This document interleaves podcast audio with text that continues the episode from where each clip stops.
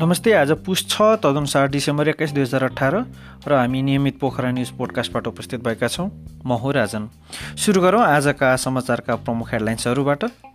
पोखरामा जारी पुरुष लिग भलिबलको फाइनलमा आर्मी र सशस्त्र भिड्ने पोखरा काठमाडौँ सडक छ लेनको बन्ने सरकारी छापहरू कृति गर्ने पौडेल पक्राउ पोखरामा कमल थापा र पूर्व राजाको भेट पोखरामा भायानेट गुणस्तरीय सेवा दिने प्रतिबद्धता दोस्रो Vishnu Timal Sinha Smriti seven a side football प्रतियोगिताको तयारी बैङ्कको ब्याजदर घटाउन निर्देशन दिइसक्यौँ अर्थमन्त्री खतिवडा र पोखरा महानगरपालिका वडा नम्बर तिसमा मेलमिलाप केन्द्र स्थापना वडा कार्यालयको शिलान्यास।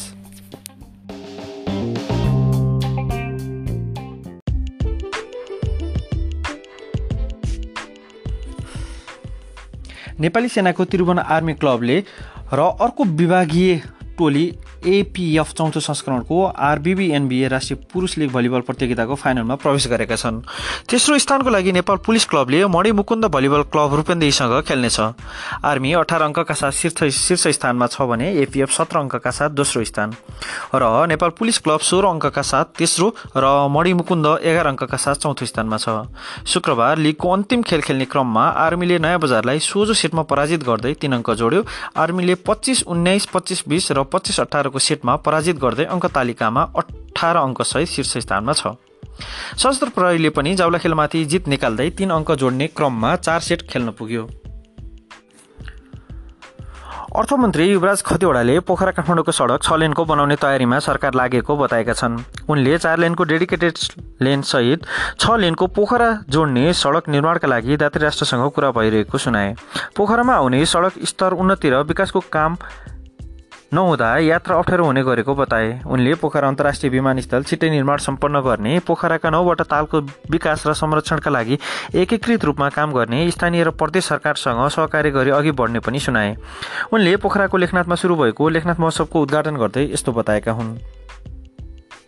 प्रहरीले सरकारी छाप कृत्य गरेको आरोपमा पर्वतका राजु पौडेललाई पक्राउ गरेको छ। लिखित कृत्य गर्ने गर्न प्रयोग हुने सरकारी छापहरू तथा कृत्य लिखत कागजात तयार पा गर्न प्रयोग हुँदै आएको कम्प्युटरसहित उनलाई जिल्ला प्रहरी कार्यालय पर्वतको टोलीले पक्राउ गरेको हो।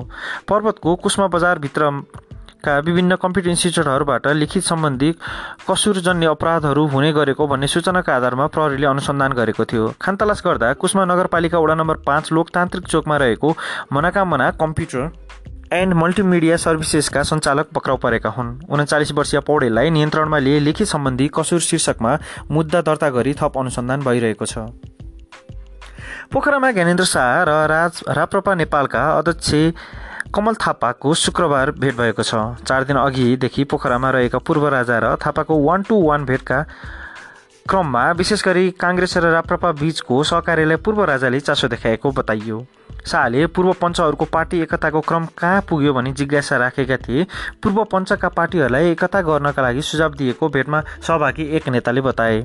उनले प्रमुख प्रतिपक्षी दल नेपाली काङ्ग्रेससँग सहकारी गरी अघि बढ्न पूर्व राजाले राप्रपा नेपाललाई सुझाव दिएका थिए। शाहले एक घन्टा थापासँग भेटेका थिए।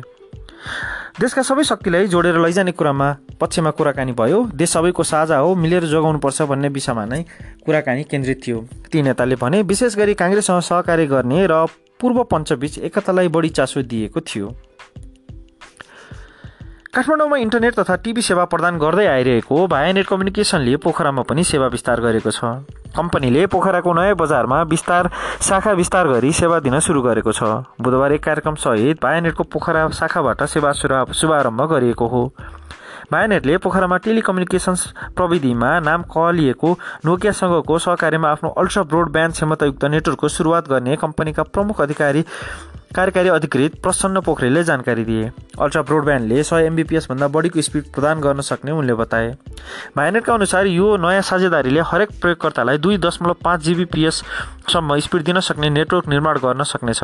उनले भने जसले गर्दा प्रयोगकर्ताले उच्च माग प्रयोगकर्ताहरूले उच्च मागमा रहेका इन्टरनेट एप्लिकेसनहरू जस्तै अल्ट्रा हाई डेफिनेसन भिडियो सामग्री आइपिटिभी अनलाइन भिडियो स्ट्रिमिङ साइटहरू भर्चुअल रियालिटी र अरू इन्टरनेट चलाउन मिल्ने डिभाइसहरूलाई सपोर्ट गर्नेछ।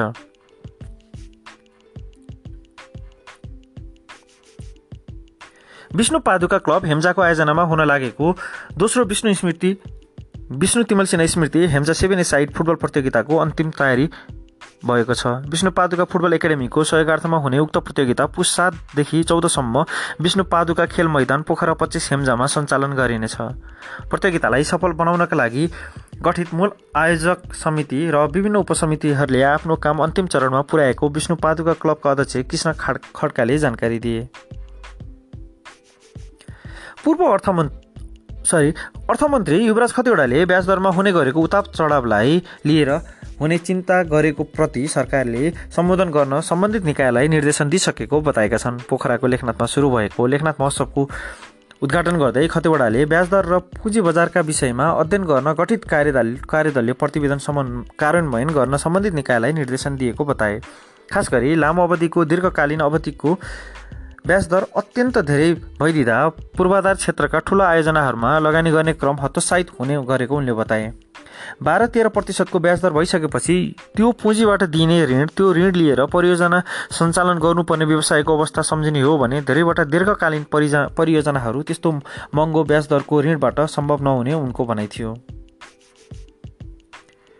जाँदा जाँदै पोखरा महानगरपालिका वडा नम्बर तिसमा मेलमिलाप केन्द्र स्थापना भएको छ। वडा तहमै विवाद समाधान गर्ने उद्देश्यले वडामा मेलमिलाप केन्द्र स्थापना गरिएको हो। वडाभित्र हुने विवादलाई वडा तहमै समाधान गर्ने गरी महानगरको न्यायिक समितिले मेलमिलाप केन्द्र स्थापना गरेको हो।